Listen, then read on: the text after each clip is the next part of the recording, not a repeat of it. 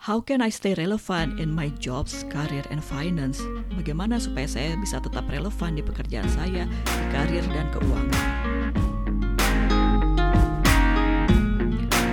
Hai, welcome di podcast ini, Coffee Talk di Plaza Kerja.